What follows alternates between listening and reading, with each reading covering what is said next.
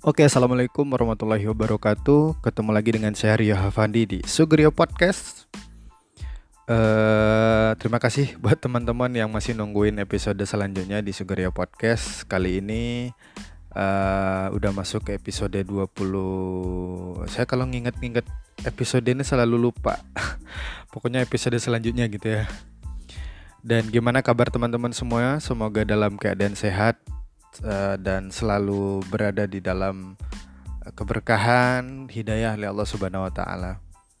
Di episode kali ini saya mau membicarakan tentang uh, keresahan yang saya alamin terutama ketika teman-teman cerita tentang uh, curhat lah tentang kehidupan mereka saya menemukan satu uh, paradoks atau stereotip yang akhirnya membuat kita uh, agak terhambat dalam perkembangan diri kita gitu. Jadi topik kali ini lebih kepada self development, gimana sih kita bisa mengembangkan diri kita terutama dalam uh, membangun karir ataupun menyusun visi masa depan dan mengejar cita-cita dan seterusnya gitu. Tapi memang ini bukan skala yang sebesar itu, cuman ada hal-hal yang prinsip yang saya pikir perlu kita pertimbangkan kembali tentang uh, bagaimana kita melihat uh, melihat uh, atau melihat daftar-daftar opsi yang kita jadikan apa ya uh, faktor penentu dalam menentukan pilihan-pilihan hidup yang kita ambil seperti itu. Nah, uh, lebih jadi ceritanya satu kan kita mungkin semua pernah dengar lah cerita-cerita tentang temukan passionmu atau pokoknya passion-passion ini uh, sering kali membuat kita terkadang uh, apa ya berlebihan dalam me merespon. Uh, tidak tidak sedikit saya menemukan teman-teman yang akhirnya resign dari kantor karena merasa tempat pekerjaannya itu bukan passion dia gitu.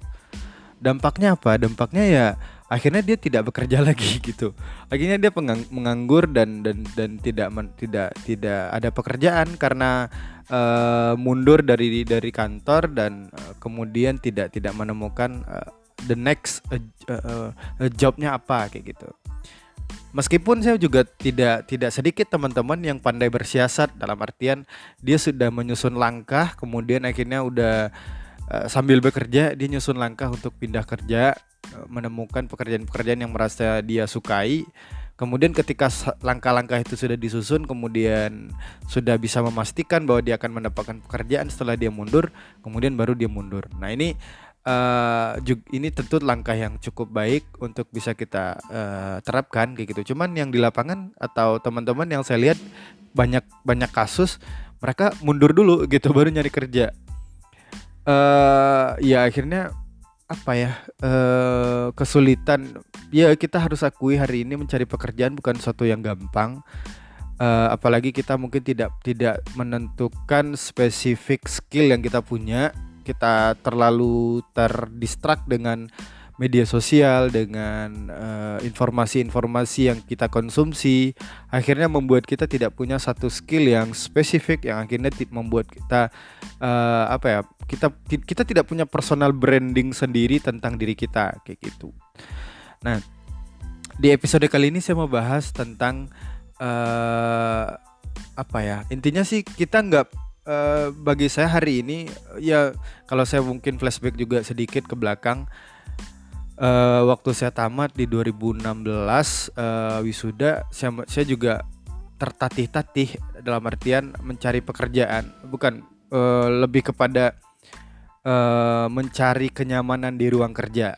Itu itu itu sesuatu yang sangat uh, me, me, mendepresikan bagi saya waktu waktu uh, pasca wisuda waktu itu gitu jadi ketika bekerja di tempat A kemudian merasa tidak nyaman resign, kemudian pindah ke tempat B tidak nyaman resign. Akhirnya uh, ketidaknyamanan ketidaknyamanan itu membuat kita terhambat dalam pertumbuhan kita gitu. Padahal sebenarnya uh, belakangan saya harus menyimpulkan bahwa ke, di mana pun kita bekerja kita akan menemukan ketidaknyamanan ketidaknyamanan itu gitu. Maka kita tidak sedang mencari kenyamanan harusnya gitu. Ini mungkin agak sedikit uh, apa ya uh, klise tapi saya ingin katakan kenyamanan itu harus kita bikin gitu bukan kita cari. Ya mungkin agak klise tapi ya itu yang saya rasakan belakangan ini gitu uh, kebetulan sekarang di kantor nggak tahu kenapa saya uh, melihat teman-teman di kantor sudah mulai nyaman dengan lingkungan kerja. Uh, mereka tidak terlalu mempermasalahkan ketika ada waktu-waktu kerja yang berlebih, kemudian ada job-job tambahan yang harus dia kerjakan dan seterusnya gitu. Padahal se sebelum-sebelumnya juga juga melakukan hal yang sama tapi itu memberatkan kayak gitu. Ini kan lagi-lagi soal persepsi men, uh, men, bagaimana mendefinisikan aktivitas pekerjaan menjadi sesuatu yang membuat kita nyaman kayak gitu. Padahal boleh jadi pekerjaannya sama tapi cara kita melihatnya berbeda kayak gitu. Nah, kata siapa? Kalau nggak salah itu ada sebuah quotes yang menarik yang dikatakan oleh Albert Einstein kalau nggak salah. Intinya dia bilang gini, uh, saya nggak punya bakat apa pun tapi saya penasaran uh, tentang sesuatu atau uh, saya lupa sih redaksinya intinya uh, Einstein mem mengajak kita untuk terus men mencari atau men memupuk rasa ingin tahu kita yang berlebih uh, yang yang ada dalam diri kita gitu. Jadi kita punya rasa ingin tahu, kemudian itu yang harusnya kita terus uh, duplikasi gitu.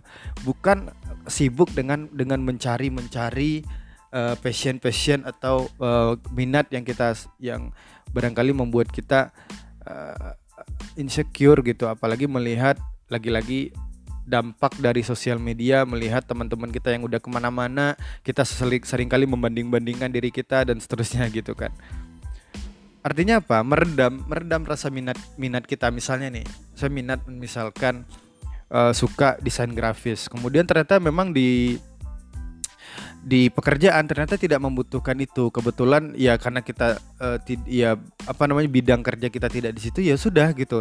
Kita tidak perlu memaksakan minat-minat kita itu harus berada dalam daftar job desk yang yang sedang kita kerjakan di kantor kayak gitu. Nggak perlu juga gitu. Yang penting, nah ini uh, di dalam dalam uh, saya baca artikel di medium.com beberapa waktu lalu uh, di sana dikatakan coba coba kita kembali ke belakang kemudian uh, ya saya sih membayangkan hari ini ini teman-teman yang dengerin ini ada ada mungkin yang sedang kebingungan dalam dalam menentukan menentukan pilihan uh, pilihan apa ya pilihan maksudnya ini apa jati dirinya tuh masih belum tahu nih warnanya apa gitu. Jadi warnanya tuh belum jelas merah, kuning atau hijau gitu. Nah proses ini proses penentuan warna diri kita itu uh, sering kali tidak kita lakukan prosesnya, tapi kita langsung menuntut uh, untuk men me mendapatkan jawaban warna kita tuh apa gitu. Ngerti nggak? Saya juga bingung nih jelasinnya. Intinya uh, ada proses ada proses untuk mengenal warna kita. Nah, kita melakukan proses itu tidak maksimal atau bahkan tidak kita kerjain proses menemutuk, menemukan warna kita itu. Tapi diri kita malah menuntut agar kita mendapatkan warna. Kayak gitu. Kita berorientasi terhadap hasil tapi kita tidak mau menjalani prosesnya kayak gitu. Jadi ya mungkin ini yang diajarkan dulu ya di sekolah atau apa gitu. Kita ketika kita merasa nilai di, di rapor kita tentang misalkan nilai fisika kita tinggi kemudian kita me, menduga diri kita adalah uh, orang yang sangat baik dalam dalam pelajaran fisika. Padahal kan itu belum tentu warna kita ngerti nggak? Jadi uh, apa yang ditampilkan oleh raport waktu kita sekolah itu tidak bisa memrepresentasikan diri kita arahnya ke situ gitu. Warna kita itu bukan tapi harus ada banyak proses yang kita kita alamin uh, atau yang kita jalanin untuk menemukan uh, warna itu gitu. Nah, maka kemudian uh, berdasarkan apa yang dikatakan oleh Einstein tadi, saya pikir kita harus harus belajar bagaimana caranya kita uh, mencari-cari atau terus menggali diri kita, kita mau uh, apa ya? melatih rasa ingin tahu kita untuk terus bertumbuh gitu. Rasa ingin tahu, kata kuncinya rasa ingin tahu, rasa penasaran gitu kita tuh penasarannya tentang apa sih gitu. Ketika kita misalkan uh, uh, apa telah memutuskan misalkan kita menyukai tentang uh, apa ya uh, uh, uh, uh, uh, uh, bidang A gitu anggap aja bidang A. Padahal sebenarnya boleh jadi kita nggak nggak terlalu minat di situ. Ada bidang B yang harusnya menjadi warna kita tapi kita tidak pernah menyentuh si B ini gitu kalau nggak salah saya pernah bahas di episode sebelumnya saya juga lupa.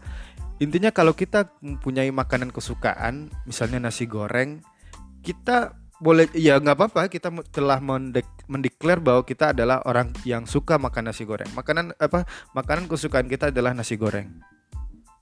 Tapi apakah kita tidak ingin mencoba mie goreng mencoba ayam goreng mencoba pisang bakar dan seterusnya gitu. Nah, ketika kita mencoba-coba satu-satu satu-satu, maka kemudian kita akan lebih valid bahwa ternyata nasi goreng ini tidak tidak ter, tidak menjadi number one bagi kita yang kita sukai, tapi ternyata pisang bakar setelah melewati uh, proses uh, mencicipi makanan-makanan yang lain. Kayak gitu.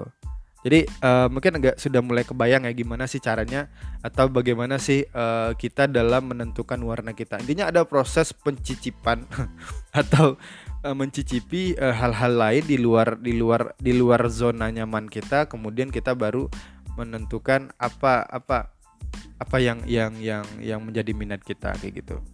Dalam tulisan itu sih dia bilang kalau nggak salah tuh intinya gini, kita nggak usah fokus ter terhadap passion kita tapi fokusnya terhadap rasa keingintahuan kita. Ya, semirip dengan apa yang dikatakan Einstein tadi, saya nggak punya bakat apa-apa, tapi saya punya rasa yang rasa ingin tahu yang besar, kayak gitu. Jadi orang-orang yang mempelajari, yang terus menggali-gali uh, passion atau dalam dalam dalam konteks uh, menggali rasa keingintahuannya, itu akan membuat kita semakin bertumbuh kayak gitu. Pastilah. Nah, coba gini aja kita coba bermain-main atau mencoba-coba uh, ya ini memang prosesnya agak panjang. Misalnya nih kita dalam satu bulan ke depan atau dua bulan ke depan atau kita mau lebih ekstrim lagi tiga bulan ke depan coba kita melakukan empat hal. Yang pertama riset online atau baca apa apa pun yang kita ingin baca ya, apa pun yang ada ditampilkan di di dalam di, di di di layar smartphone kita ataupun di layar komputer kita ada ada artikel-artikel yang menarik coba baca terbaca sampai uh, tuntas kayak gitu. Jadi nggak nggak satu paragraf kemudian kita berhenti kayak gitu. Kemudian yang kedua coba uh, apa ya uh, ikut kursus coba kalau kalau mau nih ini lebih ini ya lebih lebih berjuang lagi nih ikut kursus. Kemudian coba pergi ber, uh, melakukan perjalanan lapangan. Atau ya uh, bertemu dengan banyak orang. Ini memang dalam rangka lagi-lagi meriset atau mendevelop diri kita tentang keminatan kita itu apa. Kayak gitu. Nah proses-proses uh, pembelajaran atau ya pembelajaran seperti ini uh, setelah kita lalui nanti misalkan satu bulan nih kita terus rutin baca apa yang tidak uh, yang meskipun tidak biasa kita baca. Ya sambil contoh misalkan kita suka baca baca novel. Kemudian coba kita baca sekarang karya non fiksi misalkan atau baca baca buku ke keislaman mungkin atau baca buku tentang masak-masakan mungkin atau apa pun gitu yang di luar uh, hobi uh, di luar kebiasaan kita. Kemudian nanti satu bulan atau dua bulan dievaluasi mana sih topik yang kita ternyata membuat kita bosen? Ya udah itu nggak usah dimasukin lagi dalam uh, topik yang kita ingin ingin ingin pelajari. Kemudian uh, apa yang kita suka? Itu kan nemu tuh. Uh, nah intinya dari proses-proses itu kita akan akhirnya di di di di apa ya diarahkan atau dituntun dalam dalam uh, kesimpulan wah ternyata gua ini sukanya ini kayak gitu. Ini gua banget nih kayak gitu. Jadi nah itu belum selesai sebenarnya. Terus jawab rasa keingintahuan kita. Yang keingintahuan itu ya sampai se, se sedetail misalkan kita kita pernah nggak sih mikir uh, ta, uh, gimana sih proses pertukaran udara yang terjadi di paru-paru kita misalnya? Ya kan di YouTube ada tuh proses pernapasan. Itu sampai hal sesimpel itu kita cari tahu kayak gitu meskipun kita udah pernah belajar kan waktu di sekolah mungkin tapi kan kita penasaran cuman sering kali nah ini ini ini ini penting semakin kita dewasa sering kali kita memaklumi rasa ingin tahu kita untuk tidak menjawabnya. Apa sih kata-katanya? Intinya ketika kita penasaran tentang sesuatu, ketika kita mulai mendewasa, rasa penasaran itu sering kali kita maklumin dan kita tidak perlu menjawabnya dan kita melupakannya. Kayak gitu. Padahal ketika kita memenuhi hasrat penasaran kita itu dengan mencari jawaban-jawaban, maka di sanalah kita akan menemukan wah, ternyata menarik juga ya, kayak gitu. Itu semacam proses proses mencicipi uh, hidangan-hidangan yang ada tersebar kayak gitu. Kita tidak hanya langsung memutuskan saya saya menyukai makanan A tapi kita belum men mencoba makanan B, C, D, D dan E dan seterusnya. Kayak gitu. Jadi apa pun hari ini yang menjadi profesi kita, apa pun yang sedang kita kerjakan di kantor kita, apa pun jurusan yang kita sedang lakukan di perkuliahan kita, terus tuntut atau terus uh, uh, apa ya? arahkan diri kita untuk uh, ter, uh, mencoba mencari jawaban-jawaban atas pertanyaan-pertanyaan yang yang terlintas dalam otak kita tentang sesuatu. Sampai ya juga di jurusan kuliah juga kayak gitu gitu. Saya masih ingat waktu saya kuliah saya jarang sekali menanyakan padahal saya pengen tahu kayak gitu. Saya memaklumin aja gitu. Ketika kuliah misalkan dosen bertanya uh, menanyakan ini di, uh, dari setelah saya terangkan ini ada pertanyaan nggak gitu saya uh, biasanya saya mengurungkan niat saya untuk bertanya kayak gitu. Ya udah. Yang saya pikir apa yang dijelaskan oleh dosen adalah sesuatu yang sudah cukup bagi saya. Kemudian mudah-mudahan materi yang sudah disampaikan bisa menjadi bekal untuk menjawab soal-soal ujian yang diberikan nanti di ketika ujian semester. Udah itu aja gitu. Padahal kan Mungkin ada pertanyaan-pertanyaan yang bisa men lebih mendetail mungkin mengajak dosen diskusi di di luar ruang kelas mungkin atau apa gitu. Nah, saya juga dulu menyesal menyesalkan itu tidak tidak terlalu terbiasa dalam ruang-ruang diskusi untuk memenuhi hasrat penasaran yang ada dalam diri kita kayak gitu. Ya mungkin ini uh, agak ini agak ke mana-mana ya topiknya intinya itu uh, ikutilah terus rasa penasaran kita, kemudian belajar, jangan berhenti belajar sehingga kita akan menemukan di dalam perjalanan itu sesuatu yang fun, sesuatu yang yang membuat kita nyaman, yang membuat kita excited untuk menjalankan hari-hari kita ke depan, kayak gitu. Uh, tanyakan kepada diri kita diri kita tentang penasaran itu, penasarannya. Cobalah sesekali kita meluangkan waktu kita 15 menit atau 30 menit untuk sekadar berdiskusi dengan diri kita kita ini maunya apa kemudian ya renungi terus ya semacam bercermin gitu kita ada dengan diri kita ya ya nggak boleh jadi di depan cermin boleh jadi kita cuma duduk kemudian merenung ya coba aja setiap sholat subuh setelah sholat subuh duduk 15 menit kemudian me kembali menyapa diri kita untuk berdiskusi. Karena kan kita jarang ya berkomunikasi dengan diri kita. Kita sering kali uh, apa ya ini mungkin agak sesuatu yang lagi-lagi yang klise ya kita mungkin tidak terbiasa. Tapi ini menjadi penting agar kita tahu diri kita maunya apa kayak gitu. Itu proses itu memang harus kita jalankan sehingga kita menemukan wah ini gua banget kayak gitu. Nah kalau kita udah mulai kenal dengan diri kita dampaknya apa? Dampaknya kita akan kita akan tidak kita tidak akan lagi terpengaruh dengan dunia luar kayak gitu. Misalnya nih kita kita kita uh, melihat di sosial media teman-teman kita udah ke mana-mana, udah melakukan traveling, udah pergi ke luar negeri, ada yang kuliah ke luar negeri, ada yang udah keliling Indonesia, pergi liburan pekerjaan karena gajinya udah tinggi gitu. Itu tidak lagi membuat kita insecure gitu, tapi uh, bagi kita uh, karena kita kita lebih mementingkan diri kita ketimbang orang lain ngerti nggak? Apa ya? Uh, karena kita udah kita ya kita tuh udah udah udah tahu diri udah sering berdiskusi dengan diri kita sendiri ya sudah saya hanya ingin memenuhi hasrat diri kita, saya sendiri. Kalau orang lain ya sudah whatever apa yang dia lakukan Uh, kemudian kalau saya suka untuk melakukan hal yang sama saya akan kejar gitu. Jadi bukan so, bukan ingin membanding-bandingkan saya ingin saya ingin jadi kayak mereka kayak gitu. Kasihan diri kita kayak gitu kan. Uh, kita harus ketika kita sudah terbiasa berdiskusi dengan diri kita ya sudah apa yang kita lakukan dalam keseharian kemudian kita setiap pagi setoran ya ibaratnya setoran ya dengan diri kita. Hari ini kita udah melakukan kemarin kita udah melakukan apa kemudian hari ini kita mau merencanakan apa kemudian kita berakrab ber, ber, ber, ber ya kita menemukan harmonisasi hubungan dengan diri kita gitu.